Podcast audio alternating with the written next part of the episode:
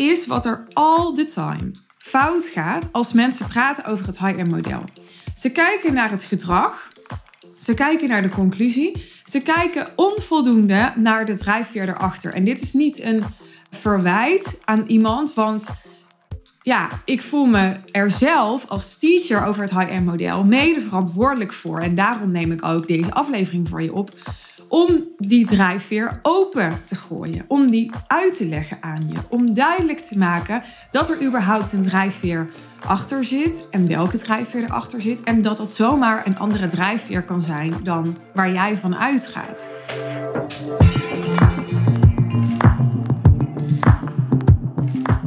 Het volgende onderwerp is er weer een die vraagt, wat mij betreft, om veel nuance.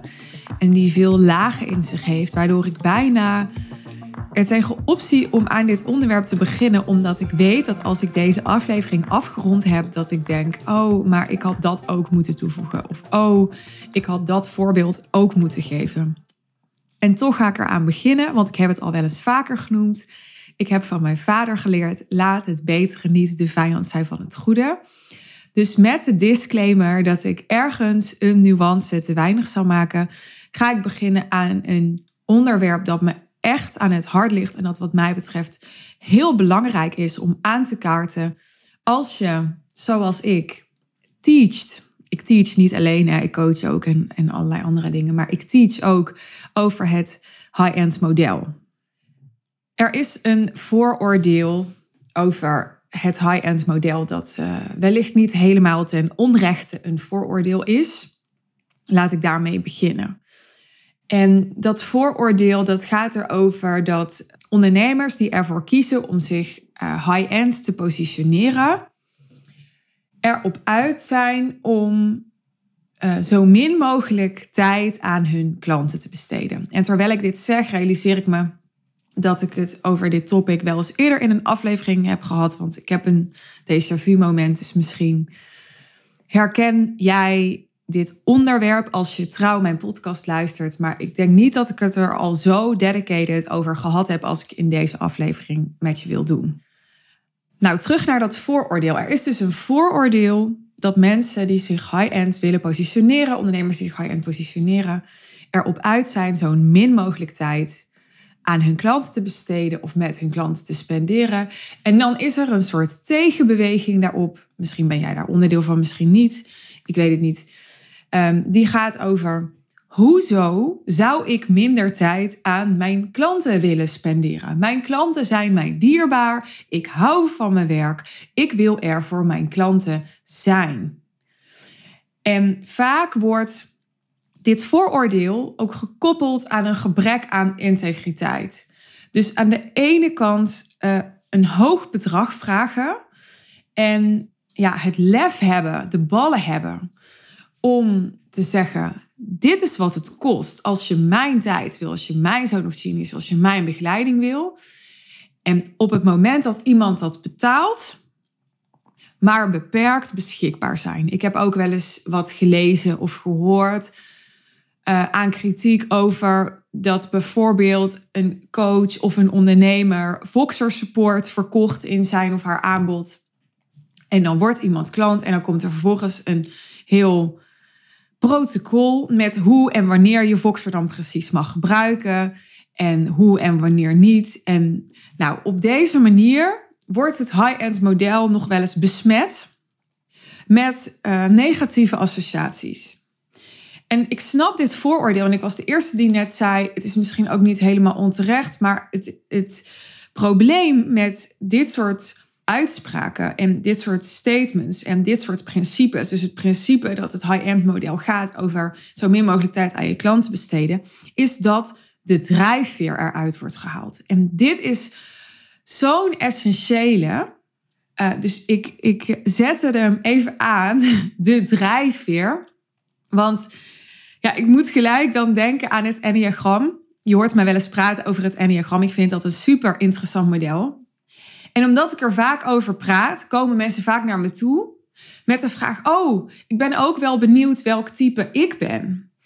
En dan uh, gaan ze online een test doen, een Enneagram-test. En dan zeggen ze: oh, er komt uit dat ik een 3 ben. En dan zei ze een 3. En dan zeg ik vaak, nou, wat ik heb geleerd over het Enneagram is dat die testen niet zo betrouwbaar zijn. Waarom niet? Omdat de vragen die je daarin krijgt altijd gaan over je gedrag. Dus wat je zou doen in een bepaalde situatie, hoe je met iets omgaat.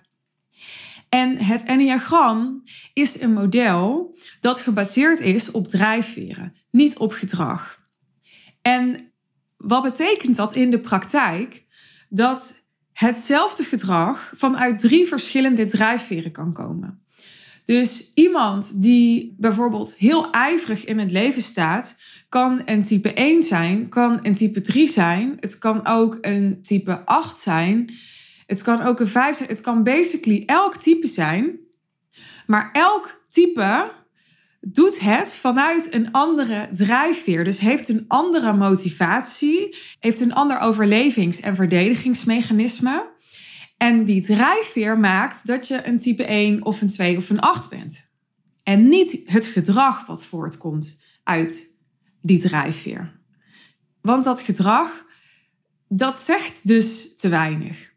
Nou, en dit is wat er all the time fout gaat als mensen praten over het high-end model. Ze kijken naar het gedrag, ze kijken naar de conclusie, ze kijken onvoldoende naar de drijfveer erachter. En dit is niet een uh, verwijt aan iemand, want ja, ik voel me er zelf als teacher over het high-end model mede verantwoordelijk voor. En daarom neem ik ook deze aflevering voor je op om die drijfveer open te gooien, om die uit te leggen aan je, om duidelijk te maken dat er überhaupt een drijfveer achter zit en welke drijfveer erachter zit en dat dat zomaar een andere drijfveer kan zijn dan waar jij van uitgaat. Dus als ik nog even terugpak naar dat statement. Als je high-end wilt positioneren, dan wordt het een doel op zich om zo min mogelijk tijd aan klanten te besteden. De nuance die hier aan zit, is dat het doel is, mede het doel is van het implementeren van een high-end business model in jouw bedrijf, dat er een win-win-win situatie ontstaat. Een win-win-win situatie waarbij jij wint, meer wint dan je nu doet, waarbij jouw klant wint, meer wint dan die nu doet, en waarbij de klanten van jouw klanten winnen, meer winnen dan ze nu doen. En op die manier kan het high-end model zorgen voor een gigantisch ripple effect. Om ervoor te zorgen dat die situatie, die win-win-win situatie ontstaat, is wel het een en ander nodig. En die voorwaarden, die worden nog wel eens weggelaten of uit zijn verband getrokken, waardoor het high-end model een imago krijgt wat vrij weinig, wat mij betreft, nog te maken heeft met um, ja, het grondbeginsel van waaruit het ontstaan is. Dat is een beetje zoals religie ook uh, de Bijbel heeft verpest, hè, omdat mensen er van alles omheen zijn gaan bedenken, is eigenlijk de, de kern. Hè, de Bijbel, wat ja, de oorsprong is van heel veel. Um, ja, geloofsovertuigingen of heel veel, uh, hoe zeg je dat, levensovertuigingen. Ja, dat, dat is daarmee eigenlijk helemaal besmet geraakt, omdat er vanuit de religie die ontstaan is vanuit de Bijbel ook zoveel is gebeurd en is gezegd waar mensen helemaal niet achter staan. Nou, datzelfde, dat gebeurt natuurlijk niet alleen met het high-end business model. Dat gebeurt ook met andere business modellen. Dat gebeurt ook met beleggen. Dat gebeurt ook met crypto. Maar datzelfde, dat gebeurt zeker ook met het high-end business model. Die win-win-win situatie die ontstaat wanneer een ondernemer een klant bedient bij wie hij of zij het allerbeste tot zijn of haar recht komt. En waarbij die klant ook in staat is om de waarde die die ondernemer in potentie kan bieden, om die optimaal, en ja, optimaal, ik bedoel, het kan altijd optimaler zou ik willen zeggen, maar om die behoorlijk optimaal, laten we zeggen minimaal 75% optimaal te benutten en te verzilveren. Er zit heel veel waarde in bijna elke ondernemer, in bijna elke kennisondernemer, in bijna elke dienstverlener. Het probleem is bijna nooit dat die waarde er niet is. Het probleem is dat die waarde er niet op de juiste manier uitkomt, niet op de juiste manier benut wordt, dat er onvoldoende een goede match wordt gemaakt met de juiste klant, ehm, dat er ruis ontstaat waardoor de waarde niet meer gezien kan worden. Nou, hier kan ik weer een hele podcastaflevering aan zich over maken. Maar de, de magie ontstaat, die win-win-win ontstaat, wanneer de ondernemer op de best mogelijke manier tot zijn recht komt bij een klant en die ook dat tot zijn recht komen kan zien, kan ervaren, kan benutten, kan verzilveren. En op het moment dat dat aan de hand is, dan heb je een klant die over het algemeen al behoorlijk ver gevorderd is. Want doordat hij al behoorlijk ver gevorderd is, kan die juist het meest benutten van jouw meest geavanceerde skills en kennis. Op het moment dat iemand nog onvoldoende op het juiste niveau is of in de juiste fase om jouw waarde helemaal te verzilveren, dan krijg je, ja, ik noem dat ook wel een kapitaalvernietiging. En dat betekent dat een heel deel van jou nooit benut kan worden omdat iemand daar nog niet is. Nou, op het moment dat je een klant hebt die daar wel is en die dat wel kan benutten, dan heb je automatisch te maken met een klant, wijst de praktijk uit, want ik werk hier al jaren mee in de praktijk met dit model, dat zo'n klant relatief veel minder van jouw tijd en jouw aanwezigheid en jouw energie en jouw beschikbaarheid nodig heeft dan een klant die uh, minder op die ideale plek is. En dit statement is er één die ik direct ook alweer kan nuanceren, want Stel, je werkt een jaar met een klant samen, dan kan dat absoluut verschillen. Stel, jij helpt ondernemers met lanceren, dan kan het absoluut zo zijn dat ook al heb je een hele gevorderde klant, als jij aan zo'n klant een 100.000 euro aanbod doet en uh, daar is onderdeel van dat je bij elke lancering uh, juist heel erg op de details zit met die ondernemer. Omdat die details het verschil gaan maken in de uitkomst, de resultaten van die lancering dan ben je misschien ten tijde van die lancering heel betrokken of even heel nauw op de bal. dat zou onderdeel kunnen zijn van hoe jij jouw bedrijf inricht of hoe jij jouw aanbod uh, verkoopt. Nou, zo kunnen er allerlei redenen zijn om uh, ja, al dan niet tijdelijk een meer gevorderde klant juist wel intensiever te helpen. Alleen als ik voor mezelf spreek en de ondernemers om mij heen die ik ken en um, mijn eigen mentoren die weer hun mentoren hebben. Ik heb inmiddels zoveel praktijkervaring en praktijkverhalen van coachingsprogramma's en business coachingprogramma's. En wat ik zie is dat hoe um, gevorderder de klant is en de ondernemer is. Het hoeft niet altijd een ondernemer te zijn. Je kunt natuurlijk ook een coachingsprogramma aan een, um, een consument of een ander type klant verkopen.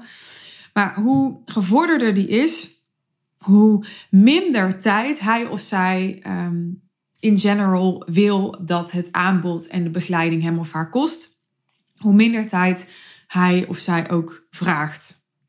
En um, hoe vaak meer ergernis juist, hoe meer ruis en hoe meer, om nog maar een keer dat woord te gebruiken, kapitaalvernietiging er ontstaat op het moment dat er van zo'n klant wordt gevraagd om wel heel veel te doen, of om wel heel veel aanwezig te zijn, of om wel eh, heel veel door te moeten lezen of kijken. Of, want dan krijg je dat dat te veel is voor zo'n klant. Dat past niet in zijn of haar leven. Iemand die verder gevorderd is, draagt over het algemeen meer verantwoordelijkheden. Is vaak een klant die meer te verliezen heeft. Nou, het feit dat hij meer te verliezen heeft, betekent dat hij gewoon meer heeft om zorg voor te dragen. Dus als je zo iemand te veel overvoert, dan krijg je dat iemand niet meer weet wat de hoofd- en de bijzaken zijn. Dat iemand misschien het juiste niet ziet, omdat hij denkt, ja, uh, woensdagmiddag, dat komt me helemaal niet uit. Ik moet ook nog iets voorbereiden deze week. Dat ga ik woensdagmiddag doen. En iets wat veel minder relevant voor hem of haar is op maandagavond, dat gaat hij wel bekijken. Want dan denkt hij, nou, uh, maandagavond, ja, dan zit ik toch op de bank. Ik zet die video aan en ik kijk die training. Ja, ik, ik, geef maar even een willekeurig voorbeeld. Maar dat is wat er gebeurt op het moment dat je te weinig uh, essentialistisch werkt met zo'n gevorderde klant. Dus het hoort bij een meer gevorderde klant. Het hoort bij een klant bij wie jij het beste tot je recht komt en die jouw waarde het beste kan verzilveren. dat daar niet heel veel tijd naartoe gaat. Op het moment dat er wel ja, meer tijd nodig is en dat er veel van jouw beschikbaarheid nodig is en dat er, ja, dat er veel uh, intensiteit nodig is in die samenwerking, dan kun je je als ondernemer echt afvragen: wat gaat hier fout? Is er toch iets wat onvoldoende matcht? Is er toch iets wat um, misschien ja, mist in mijn aanbod, waardoor iemand niet helemaal in zijn behoefte wordt voorzien, waardoor hij op een andere manier gaat proberen die behoefte te vervullen? Is er iets wat ik vooral aan het doen ben voor mezelf, voor mijn eigen gevoel, omdat ik het gevoel heb dat ik het bedrag dat ik het bedrag dat graag moet rechtvaardigen ook x en y te doen, terwijl het niet daadwerkelijk echt een essentiële bijdrage levert aan de resultaten die mijn klant behaalt, dat kun je je dan echt afvragen: wat gaat er fout? Wat kan er anders? Ik denk dat het uitgangspunt wel degelijk zou moeten zijn: hoe kan ik zo min mogelijk tijd aan mijn klant besteden, maar niet ten koste van de klant, maar juist omdat het niet nodig is. Want het feit dat het niet nodig is, dat je het niet hoeft te doen, dat geeft volgens mij aan dat je een sweet spot hebt ontdekt in je niche, in je model. Dat geeft aan dat je op een plek bent beland waarbij jij iets kan doen voor je klanten, wat voor jou moeiteloos voelt, wat geen grote belasting voor jou is wat niet veel van jouw aanwezigheid en beschikbaarheid vraagt en wat toch van gigantisch grote waarde voor je klant is. En dat is waar het high-end model over gaat, van gigantisch grote waarde zijn zonder dat het ten koste gaat van andere zaken die belangrijk zijn in jouw leven. En die andere zaken, dat kan in de breedste zin van het woord zijn dat kan je gezin zijn, uh, dat kan uh, vrijwilligerswerk zijn waarvoor je wil inzetten. Dat kan uh, een moestuin zijn die je wilt onderhouden omdat je zelfvoorzienend wilt zijn. dat kan zijn neefjes en nichtjes waar je ervoor wilt zijn omdat het met je zus of broer niet goed gaat en je zelf geen kinderen hebt. dat kan zijn dat je het belangrijk vindt om op een andere manier met je marketing gratis aan mensen die niet in jou kunnen investeren, jouw gedachtegoed te verspreiden. Dat kan van alles zijn. Hè, maar het uitgangspunt is dat het high-end model dat voor jou faciliteert, dus voor jou faciliteert dat dat wat voor jou belangrijk is, dat je er daar ook helemaal voor kunt zijn. Terwijl je wel degelijk voor jouw klanten van gigantisch grote waarde bent en um, er misschien niet te veel voor ze bent, maar ook zeker niet te weinig. En er voor ze bent, daar wil ik ook nog even op ingaan op die zin. Want je hebt namelijk er voor mensen zijn en er voor mensen zijn. En ja, dat is twee keer dezelfde zin, maar dat bedoel ik ook zo. Ik bedoel, je kunt op heel veel verschillende manieren invulling geven aan er voor mensen zijn. En er voor mensen zijn betekent niet uh, zozeer en altijd. En misschien soms ook wel. Hè? Dus nogmaals, de nuance. Uh, mensen hun probleem oplossen. Hun buddy zijn. Hun vriend zijn. De luistertelefoon zijn. Dat is niet zozeer jouw rol als business coach of als strateeg. Ik heb um, ooit eens een keer een aflevering opgenomen. Volgens mij was dat in juni ergens uit mijn hoofd over uh, wat kun je nou van een business coach wel of niet verwachten. Nou, daar ging het hier ook al over. Als business coach ben je niet iemands buddy of niet iemands vriendin. Wat niet wil zeggen dat um, je er niet voor mensen of nooit voor mensen hoeft te zijn. Alleen je kan niet alles zijn. Je kan niet alles doen. En ik ben de eerste die staat voor een gedachtegoed wat gaat over en-en. Dus ik ben de eerste die zegt: het kan allebei. Je kunt en uh, vrijheid ervaren in overvloed en winst maken in overvloed. Weet je wel, je hoeft niet alleen vrijheid te ervaren door een heel team op te zetten, waardoor jij helemaal uit de operatie kan van je bedrijf en dan vervolgens bijna geen winst meer maken, omdat je dat team te betalen hebt. Het kan en en. Dat is heel erg waar ik voor sta, waar mijn visie op is gebaseerd. En tegelijkertijd, zelfs hier zit en en in. Wat ook zo is, is dat niet alles tegelijkertijd kan als je het optimale wil. Want uh, lees maar eens uh, Doe één ding of The One Thing in het Engels. Heel interessant boek. Daarin wordt heel knap uitgelegd, vind ik, hoe je exponentieel groeit, juist door maar één ding te doen. Dus op het moment dat jij en een vriend wil zijn voor je klant, en een coach wil zijn voor je klant, en een vertrouwenspartner uh, of vertrouwenspersoon wil zijn voor je klant, en een sparringspartner wil zijn voor je klant, wat allemaal toch echt net andere rollen zijn, dan ga je in geen enkele rol meer uitblinken. En sommige rollen staan zelfs echt haaks op elkaar. Ik bedoel, een coach heeft echt een fundamenteel andere rol in iemands leven dan een vriendin. Waar een coach er is om te spiegelen en om, zoals Jeannette altijd mooi zegt, mijn vriendin Jeannette van Dijk, uh, te zeggen wat een ander niet durft te zeggen, is een vriendin er veel meer om te supporten, wat mij betreft. Misschien heb jij daar een andere definitie bij. Terwijl dat niet de primaire rol is van een coach.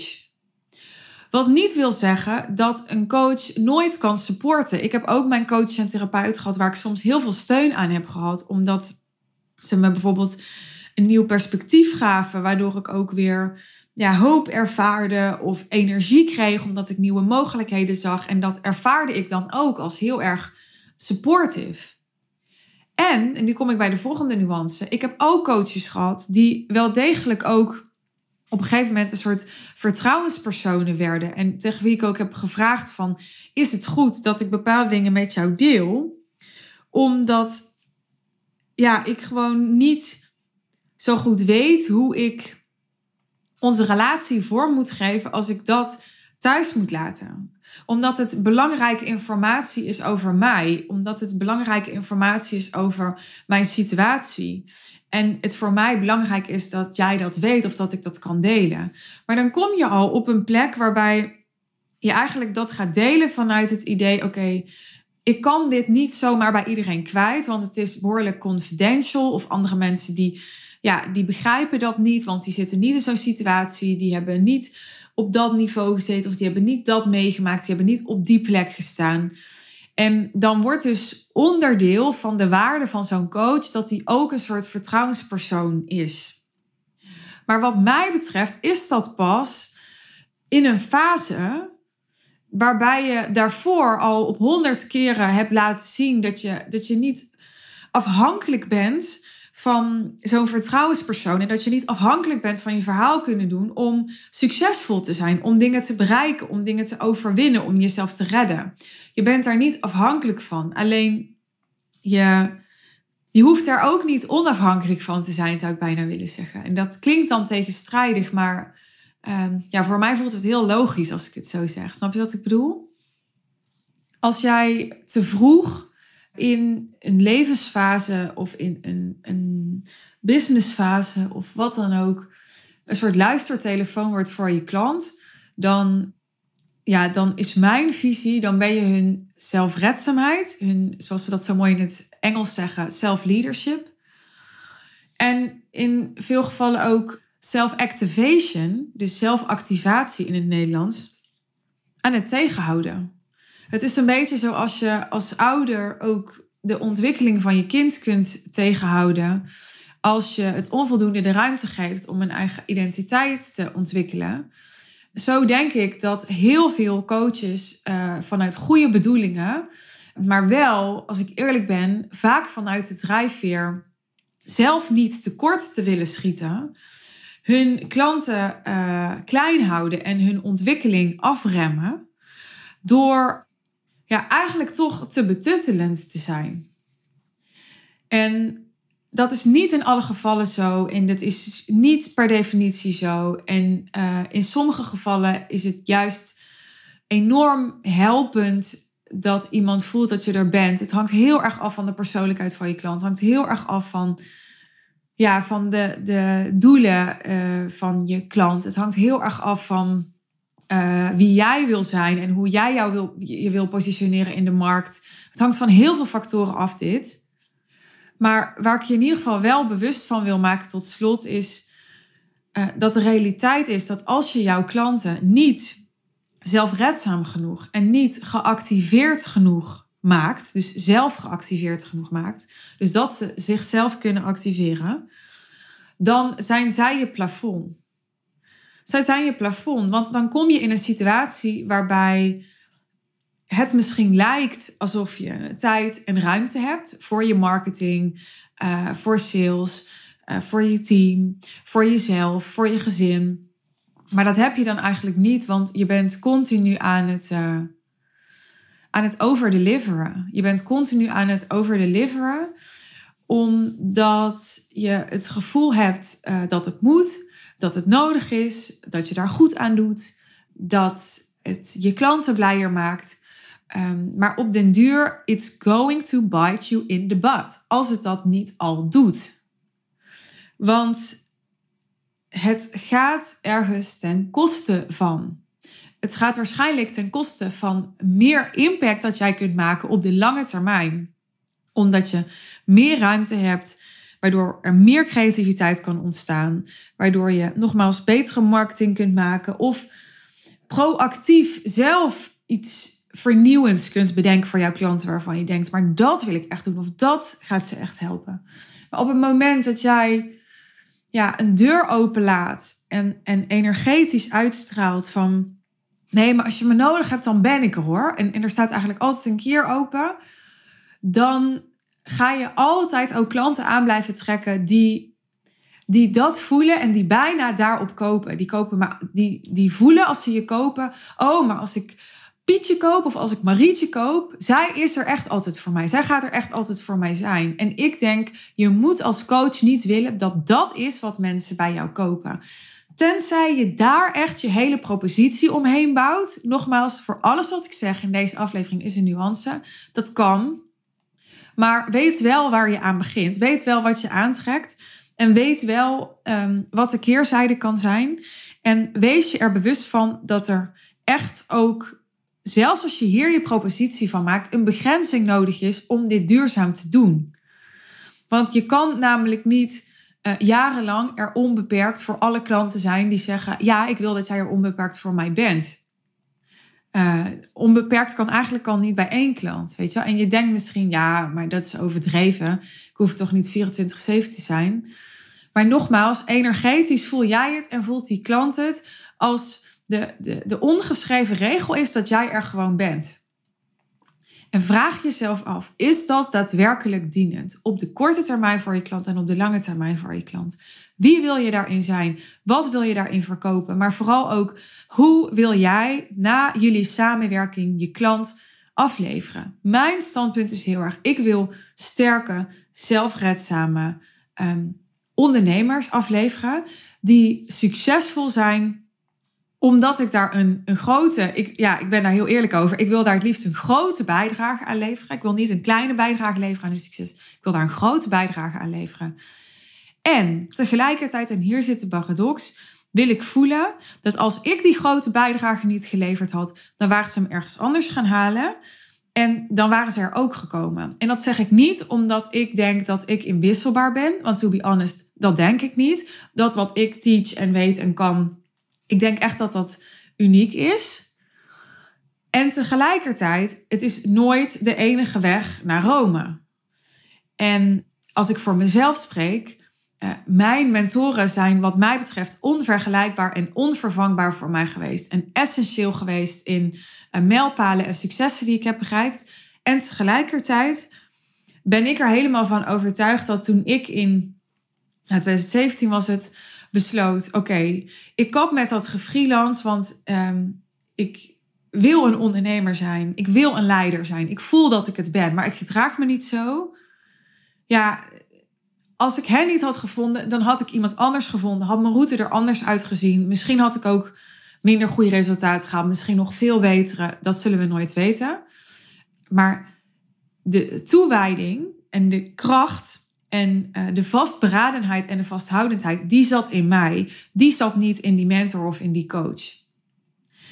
En daar is flink aanspraak op moeten doen. Want ik heb um, als zeg maar startende coachie wel degelijk, dat kun je horen in mijn tweede podcastaflevering, voor de mensen die uh, toen nog niet naar me luisterden vanaf het begin, ga even terug naar aflevering 2. Daarin deel ik haar fijn hoe ik um, behoorlijk boos ben geworden op mijn eerste coach. Juist omdat ik het vreselijk vond dat er zo'n beroep werd gedaan op mijn zelfredzaamheid. Ik vond het oneerlijk. Ik vond het ehm, eenzaam. Ik vond het onduidelijk. Ik vond er van alles van. En hoe ik daardoorheen ben gekomen en om ben gegaan met dat oordeel en met die emoties, dat hoor je dus in aflevering 2. Nou, ik merk wel aan mezelf, ik kan hier volgens mij echt nog twee uur over doorpraten. Er zijn nog zoveel meer subonderwerpen die je uh, hierover kan uh, aanstippen. Maar ik rond hem hier af voor je na een half uur. Ik denk dat hier al heel veel meer bewustwording bij je door kan ontstaan.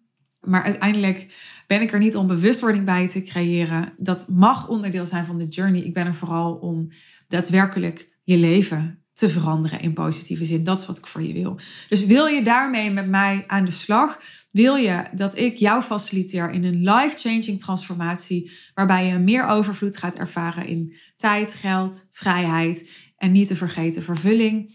Boek dan je call met ons over mijn coaching en begeleiding via de link in de show notes. En als je eerst nog een vraag hebt of wilt reageren op deze podcast, stuur me gerust een DM op Instagram of LinkedIn. Dankjewel voor het luisteren en heel graag tot de volgende aflevering. Bye bye.